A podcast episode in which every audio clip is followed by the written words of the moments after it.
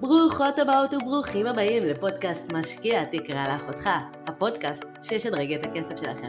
אני אורה אריאל, האופטימית, ולאחר שעשיתי מהפך מחוסר ידע טוטאלי בתחום הפיננסי לעצמאות כלכלית, אני רוצה לעזור גם לך לעשות את זה. אני רוצה להוקיר אותך על כך שהחלטת לקדם את עצמך כלכלית ולהאזין לפודקאסט שלי.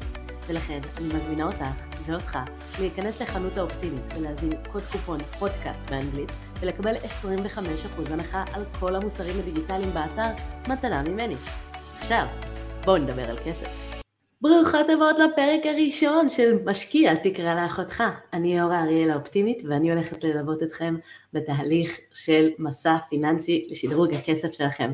אני ממש ממש מתרגשת להקליט את הפרק הראשון ולגרום לזה שיותר ויותר נשים ואנשים יתחילו לנהל את הכסף שלהם ולהשקיע. אני רוצה להתחיל את הפודקאסט בלספר איזשהו סיפור אישי עליי, אה, על התהליך שאני עברתי, ואני חושבת, לצערי הרב, שיהיו לא מעט נשים כאן בפודקאסט שהזדהו עם מה שאני הולכת לספר. כשאני השתחררתי מהצבא, אני אה, החלטתי שאני רוצה להתחיל אה, לעבוד בעבודה של גדולים, התעסקתי קצת במחשבים בצבא, ואחר כך התחלתי לעבוד בהייטק, ופתאום הרווחתי משכורת שהיום היא בערך משכורת מינימום, אבל אז בזמנו זה היה לי נראה הרבה מאוד כסף. ואמרתי, אוקיי, פתאום יש לי כסף, אבל אין לי שמץ של מושג מה לעשות איתו. כן, לא דיברו איתי על זה בבית אף פעם, לא הבנתי, לא, שום דבר. אמרתי, אוקיי, אולי נתחיל ללמוד. אז בגלל שתמיד הייתי תולעת ספרים, הדבר שהיה נראה לי הכי טבעי בעולם, היה ללכת ולהתחיל אה, לקרוא ספרים על זה. אה, וספריית הספרים שלי בבית הייתה מלאה בספרים כמו בורסה יקירתי, חשוב והתעשר, אבא עשיר, אבא אני, ככה כל הקלאסיקות. אה, והתחלתי ככה ללמוד מה עושים עם כסף. ויום אחד היה איזה בחור שהתחלתי לצאת איתו, והוא נכנס אליי לחדר, הסתכל על כל הספרים ואמר לי, מה זה אורה? מה זה כל הספרים האלה על כסף? זה נורא נורא חומרי, זה לא מתאים לך, כאילו, מה, מה לך ולכל ההתעסקות הזאתי? והאמת ששוב הייתי בת 20, לא כל כך ידעתי שום דבר מהחיים שלי, והלוואי והיה לי את הביטחון שהיה לי היום לנפנף אותו ולהגיד, תעוף לי מהעיניים, אתה לא יודע על מה אתה מדבר. אבל אז קצת חייכתי, צחקתי, העברתי את הנושא לנושא אחר, ויום אחרי זה לקחתי את כל הספרים, הוצאתי אותם לספרייה מחוץ לבית, אה, מחוץ לחדר, ולא ממש התעסקתי בתחום יותר, כי קיבלתי איזשהו מסר שלא הייתי צריכה להפנים, אבל כן הפנמתי שפחות מתאים לי, מה לי ולהתעסקות בכלכל... אה, בכל הנושא הכלכלי ובכסף וזה, זה לא אני. ולצערי הרב יש הרבה נשים שמקבלות את המסר הזה באיזושהי דרך כזאת או אחרת, איזושהי הערה, לא משהו שיבואו ויגידו נשים לא צריכות להתעסק בכסף, אבל כל מיני עקיצות, כל מיני בדיחות, כל מיני דברים שיורידו לנו את הביטחון, וגם כשאנחנו כן מחליטות לנסות, לשאול וזה, יגרמו לנו להרגיש שאנחנו לא יודעות ואנחנו צריכות להישאר ככה. באמת שלקח לי הרבה זמן להתגבר על זה, כי זה היה ככה הצטברות של הרבה הערות, רק את הדבר הזה אני זוכרת אה, אה, במיוחד. אחרי כמה שנים אה, התחלתי כן ללמוד שוב את הנושא הפיננסי, כי אמרתי אוקיי זה טיפשי מצטבר לי איזשהו כסף, אני לא יודעת מה לעשות איתו, ואני בטוחה שיש דברים יותר חכמים לעשות מאשר לבזבז את כל מה שאני מרוויחה. אה, והחלטתי שכן, זה דווקא כן מתאים לי להתעסק בכסף, כן מתאים לי להיות בן אדם חומרי, אני לא לגמרי הטיפוס הריחוני שכולם חשבו, אה, ונכנסתי לאובססיה מטורפת לתחום הזה. אה, והגעתי למצב שיכולתי לצאת לפנסיה כביכול, לעצמאות כלכלית, בגיל 31, מזה שלמדתי איך להתנהל עם כסף, למדתי איך להשקיע ואיך לגרום לכסף לעבוד בשבילי, ככה שאני לא אהיה צריכה לעשות את זה יותר. וזאת הסיבה למה אני עושה את הפודקאסט. אני עושה את הפודקאסט כי אני רוצה לעשות נורמליזציה לנשים שמדברות על כסף. אני רוצה לגרום לזה ש... כשנשים יתחילו לדבר על כסף, יתחילו לקרוא על כסף, יתחילו ללמוד על זה, זה יהיה נורא נורמלי, זה יהיה מאוד נורמלי, ואף אחד לא יגיד על זה משהו, בדיוק כמו שאם מישהי מחליטה ללמוד פסיכולוגיה, או מחליטה ללמוד אומנות, זה משהו שהוא נראה נורמלי והגיוני וטבעי. זה מה שאני רוצה שיקרה בתחום הפיננסי.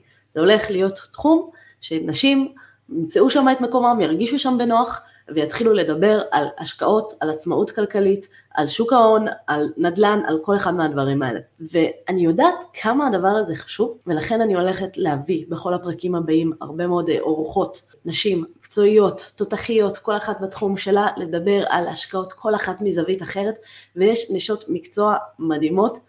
שאני לא יכולה לחכות להביא לכם כדי שיחלקו איתכם את כל המידע שיש. אני זוכרת שפעם אחת עשיתי הרצאה, בסופו של ההרצאה באו אליי שתי נשים צעירות ואמרו לי, תקשיבי, את uh, עשית הרצאה מעולה, וזה כל כך כיף לנו לראות מישהי צעירה עומדת על הבמה ומדברת על כסף.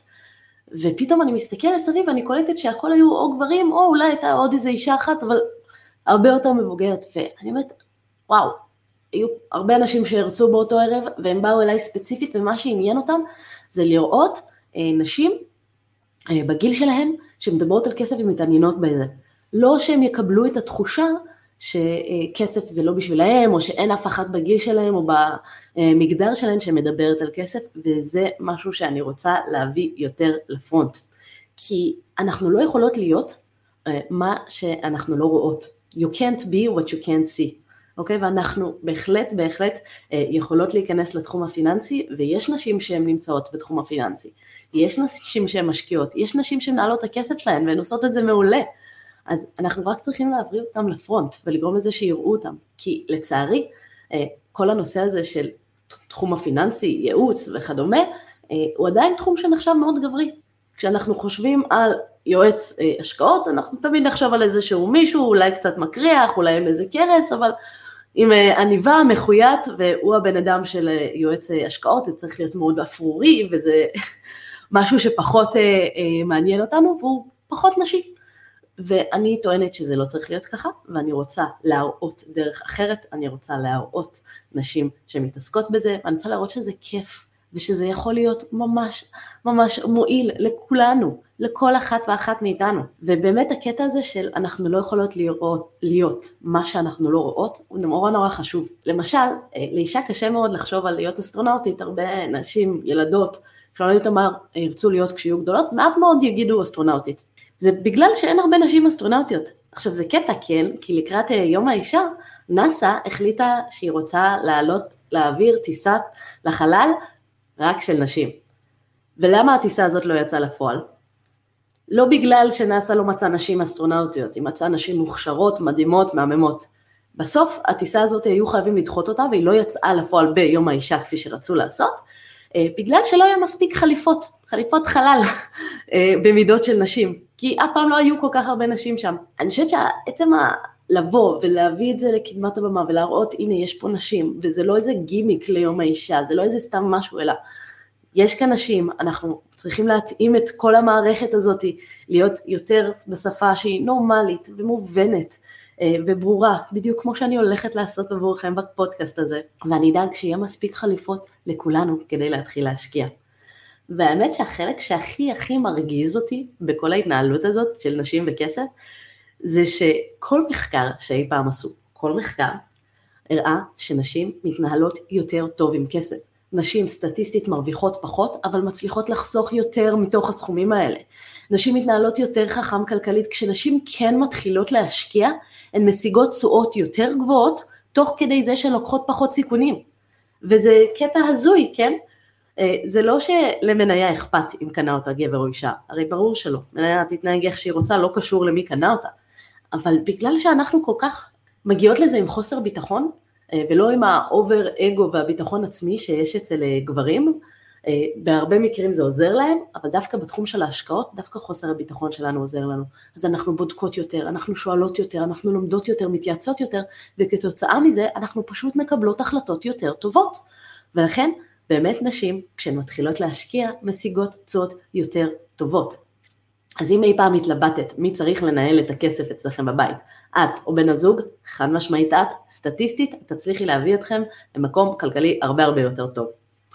אז מה אני הולכת לעשות בפודקאסט הזה? מה הולך להיות? כמובן אמרתי הרבה נשות מקצוע אחראיות, מעולות, מקצועיות, תותחיות, כל אחת בתחומה שייתנו עצות וטיפים פיננסיים. אנחנו נעשה ניתוחים של השקעות, אנחנו ניתן המון מוטיבציה והמון השראה. כן, אני אביא לכאן נשים שהצליחו לעשות דברים מטורפים. אה, אנחנו נדבר על איך להגיע לצמרת הפיננסית אה, בארץ, אנחנו נדבר על גם התנהלות כלכלית, על חיסכון, על הבסיס של איך בכלל מתחילים עם כל זה. ואנחנו גם ניתן כל מיני סוגים של השראה ורעיונות מקוריים להגדלת ההכנסות ויצירת הכנסות פסיביות, שזה תחום שאני אישית מאוד מאוד אוהבת. אז האם הפודקאסט הזה מיועד רק לנשים? חד משמעית לא. כל הגברים ששומעים אותי כרגע, אני אוהבת אתכם, אני נשואה לגבר, יש לי בן, הכל מדהים, אבל זה פודקאסט שהוא כן פונה יותר לנשים, כן השפה הנשית, אה, ונדבר בלשון נקבה מדי פעם, אתם תתמודדו, אנחנו מתמודדות עם זה כל הזמן. אה, הרעיון הוא שכל מי שרוצה ורוצה לדעת יותר על עולם ההשקעות, הפודקאסט הזה מתאים לו. וזה קצת מצחיק אותי שזה מקומות שבהם יש פודקאסטים שמדברים רק גברים עם גברים, זה אמור להיות לכולם. אבל אם יש נשים שמדברות עם נשים, אז זה שיחה נשית. מדברות על כסף, כסף והשקעות זה משהו שהוא רלוונטי לכולנו, אוקיי? זה חלק מתהליך הנורמליזציה הזה שאני רוצה לעשות. שכשנשים מדברות על כסף, זה לא משהו שחייב להיות בפורמט רק של נשים, נשות מקצוע שיודעות על מה הן מדברות יכולות להיות רלוונטיות לגברים ונשים בבת אחת. וזה בדיוק מה שאני רוצה שתבינו, זה הולך להיות רלוונטי לנשים, גברים, אשכנזים, מזרחים, חילונים, חרדים. בגדול, אתם דוברים את השפה העברית, כנראה שזה יהיה רלוונטי אליכם. זה לגבי הפודקאסט, ואני התחלתי את הפרק עם uh, הסיפור שאני מנסה ללמוד אחרי צבא, עם איזשהו סיפור uh, אישי, uh, כי בבית לא ממש דיברנו על כסף, ואני חושבת שכאן הסיפור האישי שלי אה, שהוא קצת אה, להיפתח יותר ממה שאני רגילה בדרך כלל, אבל אני חושבת שזה חשוב כאן בפודקאסט, אני חושבת שזה הזמן לבוא להביא אותו. ואני גדלתי אה, במשפחה שבהתחלה היה לנו הרבה מאוד כסף. אנחנו גדלנו, עשינו רילוקיישן, עברנו לארצות הברית, היה לנו בית ענקי עם בריכה בחצר, זה, זה היה מדהים, היה לנו יותר חדרים שם ממה שידענו מה לעשות. כן, יש לי שלוש אחיות, אנחנו ארבע בנות, ואבא שלי היה עובד אה, בהייטק, הוא היה אחד מהבכירים אה, בארץ, אה, ואימא שלי הייתה עקרת בית, והיא גידלה אותי ואת שלוש האחיות שלי, וכשחזרנו לארץ, ההורים שלי התגרשו. אבא שלי, בואו נקרא לזה קצת איבד את שפיותו, לקח את כל הכספים, רוקן את כל חשבונות הבנק וברח מהארץ. לא יצא לי לדבר איתו או לראות אותו או שום דבר אחר, הוא פשוט השאיר את אשתו לשעבר ואת ארבעת הבנות שלו בלי כסף. עד היום אני לא יודעת איך אימא שלי עשתה את זה ואיך התמודדה עם זה, כי לא הרגשתי באיזשהו שלב שהיה חסר את הדברים הבסיסיים. אה, היה אוכל בבית, לא, לא היינו רעבות לזה, אבל תמיד ידעתי שאין.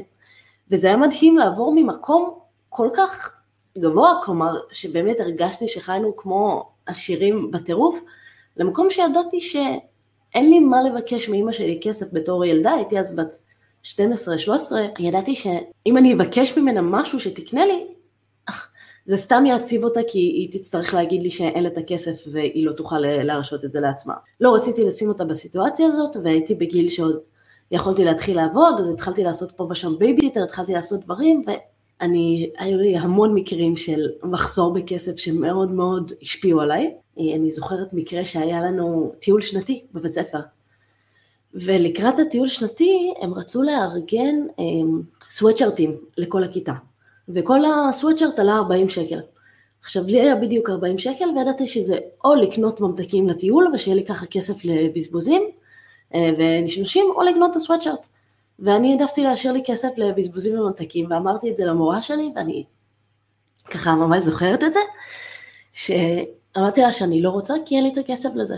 בסוף המורה הזאת שהייתה מדהימה, תודה לך רותי, אה, דאגה לבקש את הסוואטשרט חינם ואני קיבלתי ולא הייתי ככה היחידה שלא היה לה את זה בכיתה, אבל באמת הגענו למצב שידענו שלא היה, וגדלנו עם המחשבה הזאת, ואחרי מקום של באמת היה שפע של כל דבר, ולא היה דבר שלא לא ביקשנו ולא קיבלנו, הגענו למצב של לא נעים לבקש כי אין, ובעיניי זה אחד הדברים שהפך את זה מאוד משמעותי בעיניי, צר לי להגיד את זה, אבל לא להיות כמו אמא שלי. לא להיות במצב שבו אני עקרת בית, שתלויה כלכלית באף אחד כדי לממן אותי. וזה משהו שהוא נורא עצוב לי, כי הרבה מאוד נשים נמצאות בסיטואציה הזאת. הסטטיסטיקה מראה שמעל ל-90% מהנשים ינהלו את הכסף שלהם לבד באיזשהו שלב. ורוב הסיכויים אה, שאם אה, מישהי לא ניהלה את זה ולא התעסקה בכלל בחשבונות ולא נגעה בכסף, כמו שאימא שלי לצערי עשתה, נתנה לגבר לנהל את הכל, זה אומר שבאיזשהו שלב היא תצטרך לעשות את זה בזמן משבר מאוד גדול. זה יכול להיות אה, התאלמנות, גירושים, כל אחד מהדברים האלה, כשיש הרבה הרבה דברים שצריך להתעסק איתם מעבר והמון עומס רגשי, אז פתאום צריך ללמוד תחום שלם בעולם ומלואו. ולכן זה באמת אחת הסיבות שמאוד חשוב לי להוציא את הפודקאסט הזה, מאוד חשוב לי שנשים ייכנסו לעולם הפיננסי, כי אנחנו לא רוצות לחכות למשבר כדי לדעת איך לנהל את הכסף שלנו. אנחנו לא רוצות להגיע למצב שבו אה, יש משהו מאוד קשה שקורה בחיים שלנו, ובמקביל אנחנו צריכות ללמוד עכשיו תחום שלם ולהתנהל עם זה. זה גורם לבעיות מאוד קשות, זה גורם להמון הפסדים, וזה חבל כי זה העתיד הכלכלי של כולנו. אה, ובאמת, אני חושבת שהילדות שלי ומה שאני חוויתי, זה עזר לי מאוד אה, להגיע למקום של אני חייבת לעשות את זה, אני חייבת להגיע לעצמאות כלכלית, אני חייבת אה, להתחיל להבין מה לעשות עם הכסף, כי באיזשהו שלב, או שאם אני לא אעשה את זה, מישהו יעשה את זה בשבילי, ובאיזשהו שלב אה, בן הזוג שלי, אם הוא יחליט שהוא קם והולך, אני לא אוכל אה, להתמודד עם זה אחרת. ולמען האמת, אני חייבת להודות, אה, גם אני בתחילת הדרך, כשהבנתי שצריך ככה להתנהל יותר עם כסף, באתי לבן הזוג שלי ואמרתי, תקשיב, צריך להתחיל להשקיע, צריך לעשות משהו, בוא, בוא תלמד, בוא תעשה משהו. והוא עשה את אחד הדברים הכי טובים והכי מדהימים בעולם, ואמר לי, לא, זה לא מעניין אותי, אני לא רוצה לעשות את זה, תעשי את זה בעצמך אם את רוצה. וזה באמת מה שעשיתי. אבל אם הוא היה אומר לי כן, אני חושבת שהיינו במצב אחר לגמרי. כי כמו שאמרתי בהתחלה, כשנשים לוקחות אחריות על ניהול הכסף של המשפחה, זה פשוט מביא תוצאות יותר טובות. מה שאני רוצה באמת להגיד, זה שאנחנו הנשים חייבות חייבות לנהל את הכסף שלנו יותר. אני חושבת שאחד הטריגרים הנוספים, מעבר לילדות שלי שגרמה לי להבין שאני לא יכולה להיות תלויה כלכלית באף אחד, לראות את הנשים במקום העבודה. אני התחלתי לעבוד מה שנקרא בעבודה של גדולים, ישר אחרי הצבא, אה, והייתי משמעותית צעירה ככה באיזה עשור לפחות מכל מי שעבדתי איתו, ואני זוכרת שראיתי את אה, כל האימהות בעבודה. ישר כשרואים מישהי יודעים כשהיא אימא. כן, ישר היה אפשר לדעת כי היא הייתה צריכה לצאת יותר מוקדם והייתה צריכה אה, לטפל בילדים והייתי צריכה לבקש ימי מחלה וכאלה. אבל על הגברים שעבדתי איתם, לא יכולתי לדעת מי אבא. זה פשוט לא היה משהו שהיה כל כך ברור ומובן מאליו כמו אצל הנשים. זה משהו שנורא הפריע לי, כי אני ראיתי את הנשים שהן מנסות לג'נגל הכל, וכל הזמן מרגישות אשמה, שהן לא נמצאות מספיק בבית עם הילדים, והן לא מצליחות אה, לעבוד, לעשות את כל הדברים בעבודה, ופותחים עליהן עיניים אם הן אה, יוצאות מוקדם או אם הילד חולה והן צריכות להתחנן כדי לבקש כל דבר, ואמרתי, אימא'לה, אני לא רוצה את זה. אני באיזשהו שלב אמרתי לעצמי, אני לא רוצה ילדים בכלל, כי הדוגמה שקיבלתי הייתה כל כך קשה, שראיתי כמה זה קשה להיות כששני ההורים עובדים במשרה מלאה, וכשאת האישה, איכשהו תמיד דווקא העבודה שלך נפגעת, ועל הגבר לא רואים את זה. חייבת להגיד שלקראת אה, סוף העבודה שלי ראיתי יותר ויותר גברים שהתחילו לדרוש אה, לצאת מדי פעם מוקדם מהעבודה. אחד הדברים שהם התחילו להגיד זה, אתה צריך לתת לי לצאת אה, לפחות פעם בשבוע, פעמיים בשבוע מוקדם יותר, כדי לצאת לראות את הילדים, כי אם אני אתגרש זה יהיה פעמיים שלוש בשבוע, ואז זה, יהיה לכם יותר גרוע. בהחלט זה משהו שמתחיל להשתנות, אבל אני זוכרת שהתחושה שאני קיבלתי זה שוואו, להיות אימא במשרה מלאה, כשגם האבא משרה מלאה, שני ההורים עובדים, זה פשוט סיוט, לא בא לי לעשות את זה, לא בא לי את הלחץ הזה, לא בא לי את הג'ינגול האינסופי, זה היה ממש ממש מטורף. אה, ויכול להיות שהייתה לי את התחושה והפתרון שלי היה באמת לא להביא ילדים. אז בגיל 26, 25, 26 בערך נתקלתי באיזשהו פוסט אה, של מישהי בשם הסולידית, אה, שאת השם שלי נתתי כאיזשהו מחווה אליה, וראיתי פוסט שדיבר על קונספט של עצמאות כלכלית, שאפשר להגיע לעצמאות כלכלית על ידי השקעות שלא חייבים להיות תלויים תלוש המשכורת, ואנחנו יכולים להגיע למצב שבו הכסף עובד בשבילנו ואנחנו לא חייבות לעבוד. וזה פתאום ככה פתח לי את הצ'קרות, וראיתי, וואו, אפשר לעשות אחרת, אפשר לחיות אחרת, אנחנו לא צריכים את ה-9 to 5 till you're 65, והחלטתי באותו הרגע שאני עושה את זה. אני זוכרת ממש שנכנסתי אחר כך לאתר, עד איזה 3-4 בבוקר נשארתי לקרוא את כל הכתבות ואת כל הפוסטים, כי פתאום ככה נדלקה לי הנורה והבנתי שאני לא חייבת להמשיך לעבוד כל החיים. מבחינתי זה היה משהו שהיה מאוד מאוד משמעותי. ועוד דבר שהיה לי מאוד חשוב, אה, וזה אחד הסיבות הכי עיקריות אצלי, זה הנושא של חופש, אוקיי? ברגע שאני עובדת כשכירה, יש לי מעט מאוד חופש ומעט מאוד החלטות בחיים שלי. החופשות שלי היה חופשות מרוכזות אצלי במקום העבודה, אז היו מגדירים לי מתי לצאת לחופש. הייתי רוצה לצאת בנפרד, הייתי צריכה ללכת לבקש אישור מראש אם בא לי לטוס לחו"ל. אה, הייתי לא מרגישה טוב, הייתי צריכה ללכת לרופא במיוחד להביא אישור כדי להגיד שאני לא מרגישה טוב, שזה היה זה פשוט הרגיש לי נורא דבילי כל ההתנהלות הזאת. כלומר, למה אני נמצאת במקום שלא סומך עליי, ולמה אני צריכה להביא אישור לכל דבר, ולמה למה אני לא יכולה לחיות כבן אדם בוגר ולקבל את ההחלטות שלי בעצמי? אני רוצה חופש לקבל את ההחלטות, אני רוצה להחליט חופש של וואלה, היום אין לי חשק לעבוד, אני אלך יושב אה, על חוף הים אה, ואתפנן, או אשאר לישון קצת עד מאוחר, ואני אעשה יותר אה, עבודה ואני אשלים אותה מחר או בערב. למה מישהו קובע לי את השעות שאני עובדת בהן, או מתי, איך, כמה, למה, וזה נורא עצבן אותי. זה היה אחת הסיבות שאני בהחלט רציתי, חופש זה דבר שמאוד מאוד משמעותי לי. אה, אני חייבת להגיד שבהקשר הזה של חופש, את הפרק הזה אני מקליטה מפלאיה דל קרמן במקסיקו, שאני בתקופת הקורונה התחיל להיות יותר מדי סגרים, התחיל להיות יותר מדי מעיק, יותר מדי אה, קשה לחיות אה, בישראל, בגלל כל הדבר הזה שלקחו לנו הרבה הרבה מאוד מהחופש כדי להילחם באיזושהי מגפה. ונהיה לי קשה מדי, נהיה לי קשה מדי כשאומרים לי עוד פעם, אסור לך לצאת מהבית, מותר לך לעשות ככה, אסור לך להיפגש עם זה, אסור לך לראות, זה, אי אפשר לצאת לשום מקום, אי אפשר לבלות. זה, שמרו על החיים עצמם, אבל זה הרגיש לי שלקחו לי את כל הדברים שבשבילם אה, שווה לחיות. לכן אה, אני החלטתי לקום, לקחת את המשפחה שלי, בן הזוג, את הילד, וטסנו למקסיקו לתקופה לא מוגבלת. כאן אני עכשיו מקליטה לכם את זה, וזה אחד הדברים אה, שנורא עוזרים להבין שהגשמתי את זה. כי אם אני הייתי עדיין שכירה, בחיים לא הייתי יכולה לעשות את זה, לא היו מאשרים לי, זה הייתי צריכה לנסות איכשהו לג'נגל בין לעבוד מהבית, ותוך כדי לשמור על הילד ולהמשיך לעשות את כל הכמות שעות המטורפות האלה שהייתי צריכה לעשות במשרד. אה, זה היה נוראי.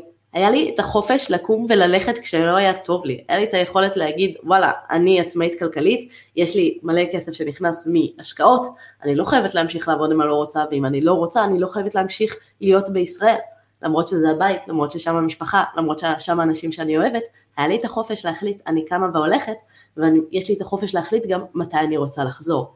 וזה בעיניי סיבה סופר סופר חשובה להתחיל להיכנס לתהליך הזה. כמובן לכל אחת ואחד מכן צריכה להיות את הסיבה שלכם, אבל בעיניי חופש הייתה סיבה מאוד מאוד חשובה. אה, לדעת שאני עצמאית, לדעת שאין לי תלות באף אחד ולדעת שאני לא צריכה לבקש אישור מאף אחד כדי לחיות את החיים שלי. איך התחלתי בכלל את כל התהליך? זו גם שאלה שאני מקבלת אה, די הרבה ומתישהו אני גם מאמינה שאני אעשה פרק ספציפי על זה. אה, אבל בגדול מה שאני התחלתי לעשות זה התחלתי לחסוך, התחלתי באמת, שיגעתי את בן הזוג, מסכן. הצגתי לו כל הזמן בוא נראה איך אנחנו מורידים יותר כסף ואיך אנחנו משלמים פחות ובוא נתקשר לאינטרנט ונוזיל אותם ונתמקח והוא לא הבין למה כשאנחנו במצב טוב, כי מבחינתו באמת היינו במצב טוב, לא היינו באיזשהו אה, מינוס אה, ותמיד נשאר אולי איזה כמה מאות שקלים בעובר ושב ומבחינתו זה היה סבבה, למה אני בכלל מציקה לו על עוד איזה 20-30 שקל בחודש ולמה אני משגעת אותו. היום כמובן שהוא אומר לי תודה על זה, אבל באמת אז התחלתי לראות איך אנחנו מוזילים דרסטית את ההכנסות, הגענו למצב שאנחנו חשפנו בין 50 ל-60 אחוז מהמשכורת כל חודש. אחרי שהחלטנו לעשות את זה, אה, אמרתי אוקיי, יש פה עכשיו כסף שנחסך כל פעם בצד, מה עושים עם זה? ואז אמרתי אוקיי, אני אתחיל ללמוד להשקיע. לקחתי קורס, למדתי דווקא בשוק ההון בהתחלה, אה, שאני חושבת שזה בהחלט המקום המעולה לכל מי שרוצה אה, להתחיל בהשקעות, יש גם קורסים של נשים בלבד, יש את קורס הצעד הראשון למיליון שלי, שבו אני מלמדת איך להיכנס לעולם ההשקעות, קורס דיגיטלי. בהחלט מה שהתחלתי ללמוד בשוק ההון זה איך להשקיע, גם לא רק איך להשקיע ואיך להיכנס בסכומים קטנים, כי שוק ההון באמת אפשר להיכנס ככה במנות קטנות, לא צריך לשים מאות אלפי שקלים כל פעם, אה, למדתי גם איך אני מתמודדת כמשקיעה, כי אחד הדברים שמאוד חשובים בעולם ההשקעות זה כל הנושא של פסיכולוגיה, איך אנחנו מגיבים אה, לגבי הנושא של ההשקעה שלי עלתה, היא ירדה, ובשוק ההון רואים את זה מאוד מאוד טוב, והצלחתי להבין ושאימצתי לעצמי דרך של השקעות לטווח ארוך, ואני לא מתרגשת כשהשוק יורד, להפך, אני דווקא ממש מרגישה עם זה בסדר, ואומרת לעצמי יאללה בוא נקנה עוד, כי עכשיו היו ירידות אז הדברים ב sale, ואפשר לעשות שופינג, כי יש עכשיו מבצעים. אז אה, למדתי איך להשקיע בשוק ההון, באיזשהו שלב כבר התחלנו לצבור יותר כספים, והתיק אה, שלנו בשוק ההון אה, גדל. החלטתי להתחיל ללמוד על עולם הנדל"ן. בהתחלה התעסקתי בנדל"ן בישראל, אחר כך הבנתי שפחות מתאים לי, והחלטתי שאני אלך לכיוון של נדל"ן חו"ל, עשיתי קורס לנדל"ן חו"ל, התחלתי להשקיע, בחנתי המון הוצאות, המון עסקאות, ובסופו של דבר ככה קפצנו למים והתחלנו לרכוש בתים בחו"ל. התהליך הזה היה תהליך מאוד מאוד מתמשך. זה היה משהו שכל יום השקעתי בללמוד עוד קצת על השקעות, בלהבין איך העולם הזה עובד, בלחקור מניות, להסתכל על עסקאות, כל הזמן לדעת וללמוד עוד איך אני אשקיע יותר טוב. ואת האמת, כל התהליך הזה ממש עצבן אותי. עצבן אותי לגלות כמה לא ידעתי כלום. אוקיי? אמרתי לעצמי, וואלה, אני סיימתי תיכון, אני סיימתי צבא, אני סיימתי אוניברסיטה. למה אין לי דברים בסיסיים כמו מה קורה בחשבון הבנק שלי, אני לא יודעת. למה זה מרגיש לי כשאני מדברת עם כל בן אדם פיננסי, זה קללות. ומרוב הצווים החלטתי להקים את אתר האופטימית כדי להנגיש את הידע, כי אמרתי אם אני לא ידעתי את כל הדברים האלה בטוח יש עוד הרבה אנשים אחרים שלא יודעים וזה מידע שהוא בעיניי כל כך חשוב, כולם צריכים להבין את זה, כי פריים זה לא קללה. אז הקמתי את האתר של האופטימית ואחר כך באו והתחילו לבקש ממני להעביר אה, קורסים, אז הוצאתי קורסים כמו קורס ההשקעה הראשונה שלי או הצעד הראשון למיליון או קורס על הכנסות פסיביות והתחלתי ממש ללמד את כל העולם הזה אה, של כסף בכל מיני דרכים. לא משנה איך החלטתם להגיע ואיך החלטתם אה, ללמוד את התחום הפיננסי, בין אם זה על ידי קריאת ספרים, בין אם זה קורסים, בין אם זה על ידי להאזין לפודקאסט. חשוב להמשיך להתקדם אה, כל הזמן. עכשיו, הרבה שואלים אותי מאיפה הגיע הכסף אה, להשקיע. אמרתי, היינו חוסכים בין 50 ל-60 אחוז מההכנסה כל חודש, שנינו עבדנו בהייטק, ככה שזה יצא סכום אה, די אה, יפה שיכולנו לשים. אה, מעבר לזה, גם לא היה לנו את הילד אז, חיסכון מאוד משמעותי. אני גם זוכרת הרבה דברים שניסינו, ואחד מהדברים שאני מאוד רוצה להציע לכם לעשות, זה מה שנקרא כלל 70-30. כלל 70-30 בא ואומר שאני לוקחת, מראש מגדירה כמה אחוזים מכל סכום לא צפוי שיש לי, הולך לטובת השקעות והמטרות הכלכליות שלי, וכמה הולך לטובת העלאה ברמת החיים. כי אם מישהו מקבל עכשיו בונוס בעבודה, רוב הסיכויים שמה שהוא יעשה, זה ילך ויקנה משהו, יעשה טיסה לחו"ל, ישפץ את המטבח, כל אחד מהדברים האלה.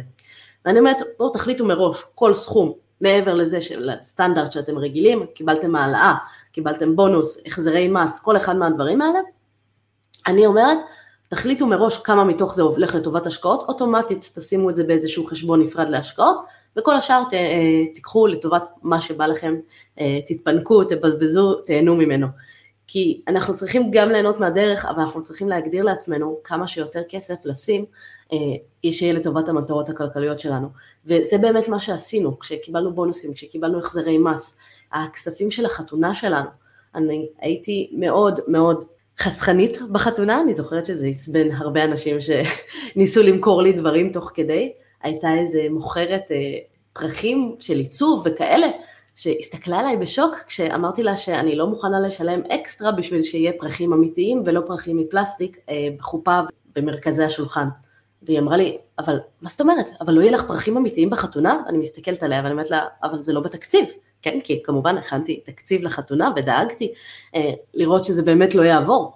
והיא אומרת לי, מה זאת אומרת לא בתקציב? אבל לא יהיה לך פרחים אמיתיים. ואני כאילו חשבתי על כל חתונה שאי פעם הייתי בה, וניסיתי להיזכר האם יש לי מושג איזה פרחים היו שם, אם זה היה אמיתי או מפלסטיק, ולא היה לי שם את מושג. ואמרתי, אוקיי, כנראה שזה לא משהו שחשוב. ולמרות שכל הניסיונות לגרום לי להרגיש שאני לא בסדר, אז uh, היה לנו פרחים מזויפים בחתונה, ודאגנו באמת להשאיר את העלויות, העלות הכוללת, עשיתי על זה אפילו פוסט באתר, הייתה 36 אלף שקל אה, לכל החתונה, שהחזרנו את כל הכסף הזה, ואפילו, אה, אני תכננתי שזה יוכל רק להחזיר את הכסף מהצ'קים, אפילו הצלחנו להרוויח הרבה יותר ממה שציפיתי, ואת הכספים האלה גם לקחנו להשקעה, אה, ודאגנו להתחיל איתם את העתיד הכלכלי שלנו ולא להוציא את הכל על ערב אחד מטורף, שבסוף אף אחד לא זוכר איזה סוג פרחים היו בו, אבל שילמתי עליהם. מה שאני מאוד מאוד ממליצה לעשות, אה, זה לקחת את הסכומי כסף האלה שאנחנו לא מצפים להם, סכומי כסף אקסטרה, מתנה מההורים, כל מיני דברים שאנחנו מקבלים ככה במשך החיים, ולתת אותם אה, לטובת המטרות שלנו, להגדיר מראש כמה אחוזים מתוך זה ילך למטרות, להשקעות, וכמה מתוך זה ילך לטובת הנאה באותו רגע. המלצה 70-30, אתם יכולים לעשות את זה 50-50, אני עשיתי את זה 90-10 כי אני הייתי מאוד פסיכופתית בקטע הזה, אה, אבל זה אחד הדברים שבאמת יכולים לעזור לכם להתקדם כלכלית מאוד בקלות. אה, הרבה שואלים אותי מה הייתה ההשקעה הראשונה שלי, ולא רק בגלל שזה השם של הקורס שלי שנקרא ההשקעה הראשונה שלי, ההשקעה הראשונה שעשיתי, אמרתי, התחלתי בשוק ההון, אה, ועשיתי אולי את הטעות הכי גדולה, אה, שרוב האנשים עושים כשמתחילים להשקיע, השקעתי אך ורק על בסיס המלצה, בלי שלא יהיה לי מושג על מה לעזאזל אני עושה, יש לי איזה קרוב משפחה מארצות הברית, שהוא בדיוק בא לבקר בארץ והתחלנו לדבר על השקעות והוא סיפר לי על איזושהי מניה שמחלקת אחלה דיבידנדים, הוא משקיע בה כבר שנים והכל, בסוף הסתבר שזה משהו שהיום בחיים לא הייתי משקיעה בזה, אבל אז באותו רגע הלכתי, קניתי, הסתכלתי על הטווח מחירים של המניה, ראיתי שהיא באמת נמצאת בטווח הממוצע שלה והשקעתי, והיום בחיים לא הייתי עושה את זה שוב, כי באמת זה דבר שעדיף שלא, עדיף להבין במה אנחנו משקיעים, כמובן המניה הזאת כבר לא איתי יותר. כמה זמן לקח לי התהליך של לצאת לעצמאות כלכלית? בגדול לקח לי משהו כמו, אני, קשה לי לדעת בדיוק, אני חושבת שזה היה באזור שש שנים, אולי קצת יותר, אולי קצת פחות.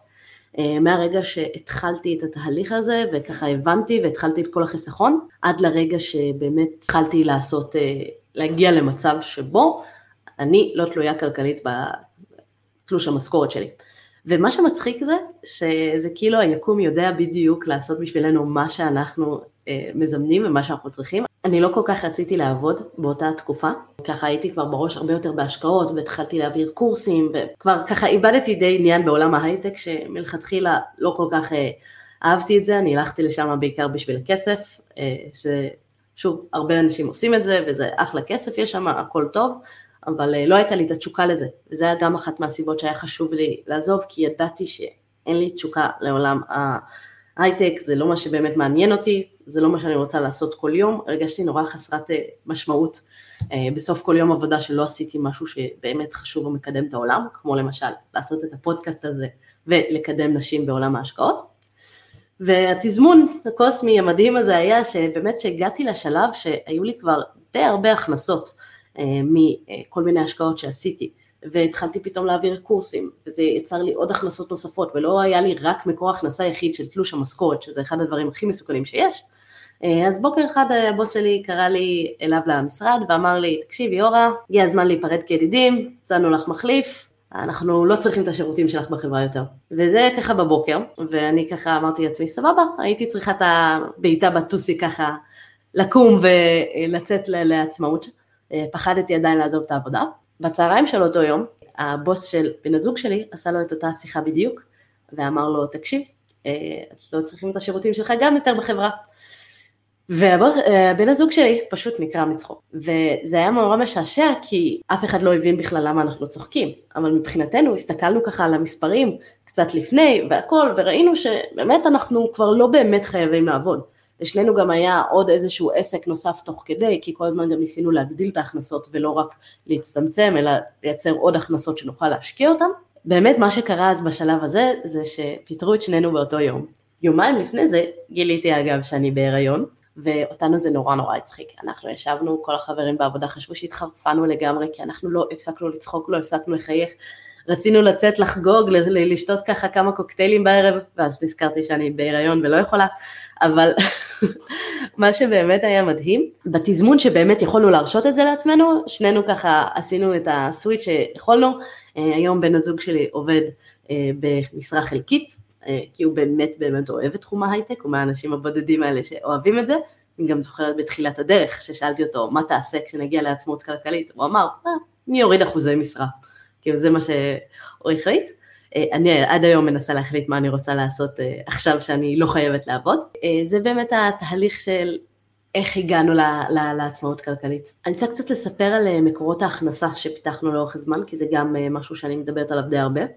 אז השקענו המון בשוק ההון, התחלתי להשקיע במניות שמחלקות דיבידנדים, שזה אומר לתת רווחים לבעלי המניות, וככה אני יכולה לקבל תיק שלי של שוק ההון, לקבל כסף ישירות לתוך החשבון, אני לא עושה שום דבר, אה, לא צריכה לעשות כלום, רק מדי פעם לבדוק שהמניות עדיין אה, טובות, החברות עדיין טובות, עדיין רווחיות, אני ממשיכה לקבל את הרווחים כי אני הבעלים של המניה, אני חלק מהבעלים של החברה, אה, וככה אני יכולה לקבל אה, תזרים. אה, נדל"ן זה גם מקור הכנסה די גדול שלנו, קנינו דירות בחו"ל, בארצות הברית ובאנגליה, ואנחנו בוחנים עוד מקומות נוספים, שזה גם מייצר לנו עוד איזשהו תזרים של הכנסה.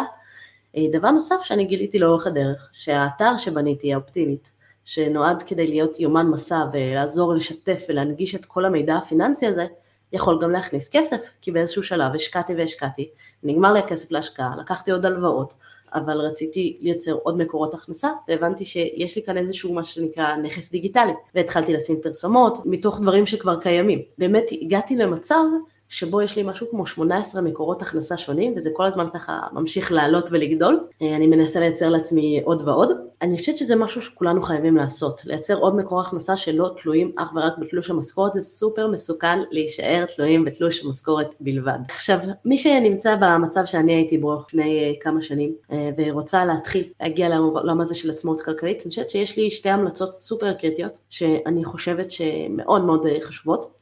דבר ראשון, מטרה. אוקיי? start with why. תתחיל עם הלמה, אוקיי? למה לעזאזל אתם רוצים בכלל להגיע לעצמאות כלכלית? למה זה חשוב? ניטשה טוען שמי שיש לו איזשהו למה שלמענו יחיה, יוכל לשאת את כל האיך. ואני לגמרי מסכימה עם זה. היו דברים שעשיתי, שאני, אם היו אומרים לי לפני כן, הייתי אומרת לכם מה פתאום, אבל אני הייתי קמה בשש בבוקר, הולכת לישון מאוחר בלילה, אני הייתי אובססיבית בתוך זה, כי הלמה שלי היה מאוד חזק. אני רציתי את החופש שלי, אני לא רציתי להגיע למצב שבו אני כל היום ברגישות אשמה כי אני לא יכולה להיות מספיק עם הילדים ואני לא יכולה להיות מספיק בעבודה כמו שדורשים ממני.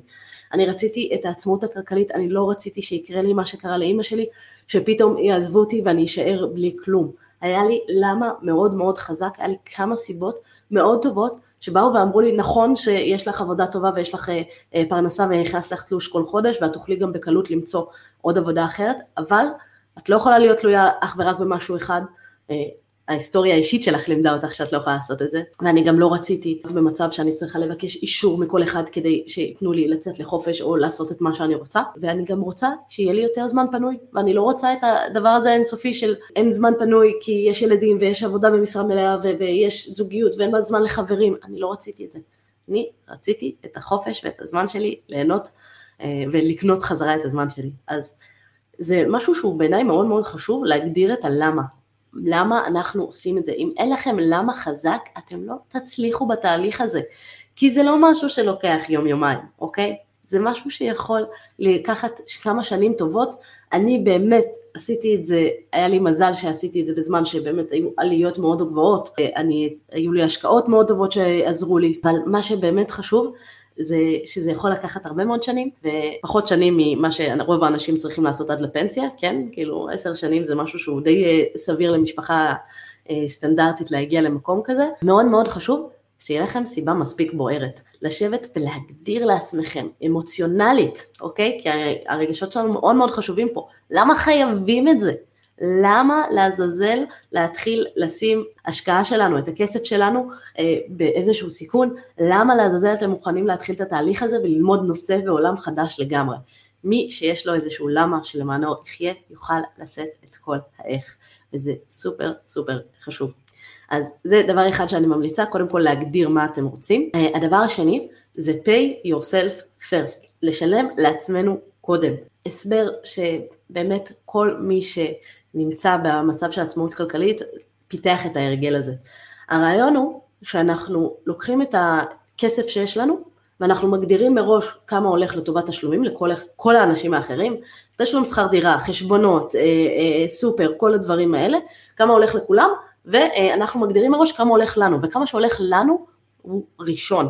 אנחנו, משכורת נכנסת בראשון לחודש, בראשון לחודש אנחנו דואגים שתהיה הוראת קבע, שתיקח איקס כסף מתוך ההכנסה שלנו, לפחות עשרה אחוזים, תנסו כמובן שיהיה יותר, אה, ושמה אותה בצד. זה נראה לכם מוזר פתאום לחיות רק על 90% אחוז מההכנסה שלכם, אבל אתם עשיתם את זה לפני כן.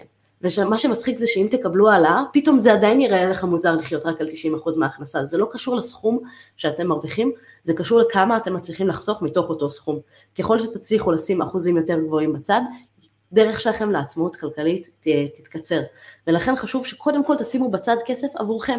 כי אם אתם תחכו עד סוף החודש כדי אה, לשלם את הכסף עבורכם, עבור ההשקעות שלכם, עבור המטרות ועבור העתיד הכלכלי שלכם, עבור הלמה הזה שלכם, אה, אם אתם תחכו עד סוף החודש פשוט לא יישאר, כי כל האנשים יבואו וידרשו, ויהיה לכם את הכסף אז אתם תיתנו. אבל אם עכשיו אתם אה, תגיעו למצב שבתחילת החודש כבר שמתם בצד את הכסף עבור עצמכם, עבור הלמה שלכם, אם אחר כך יהיה כל מיני דברים שיהיה צריך לשלם עליהם בהמשך, כל מיני פיתויים וכאלה, אתם תגידו אוקיי, אין לי את הכסף, ואתם לא תשלמו על זה, או שתשימו את זה בדיליי לשבוע הבא או לחודש הבא, ותחכו עם ההוצאה הזאת. אבל ברגע ששילמתם לעצמכם קודם, אתם לא מחכים עם ההוצאה הזאת, אתם קודם כל שמתם את הכסף בצד עבורכם.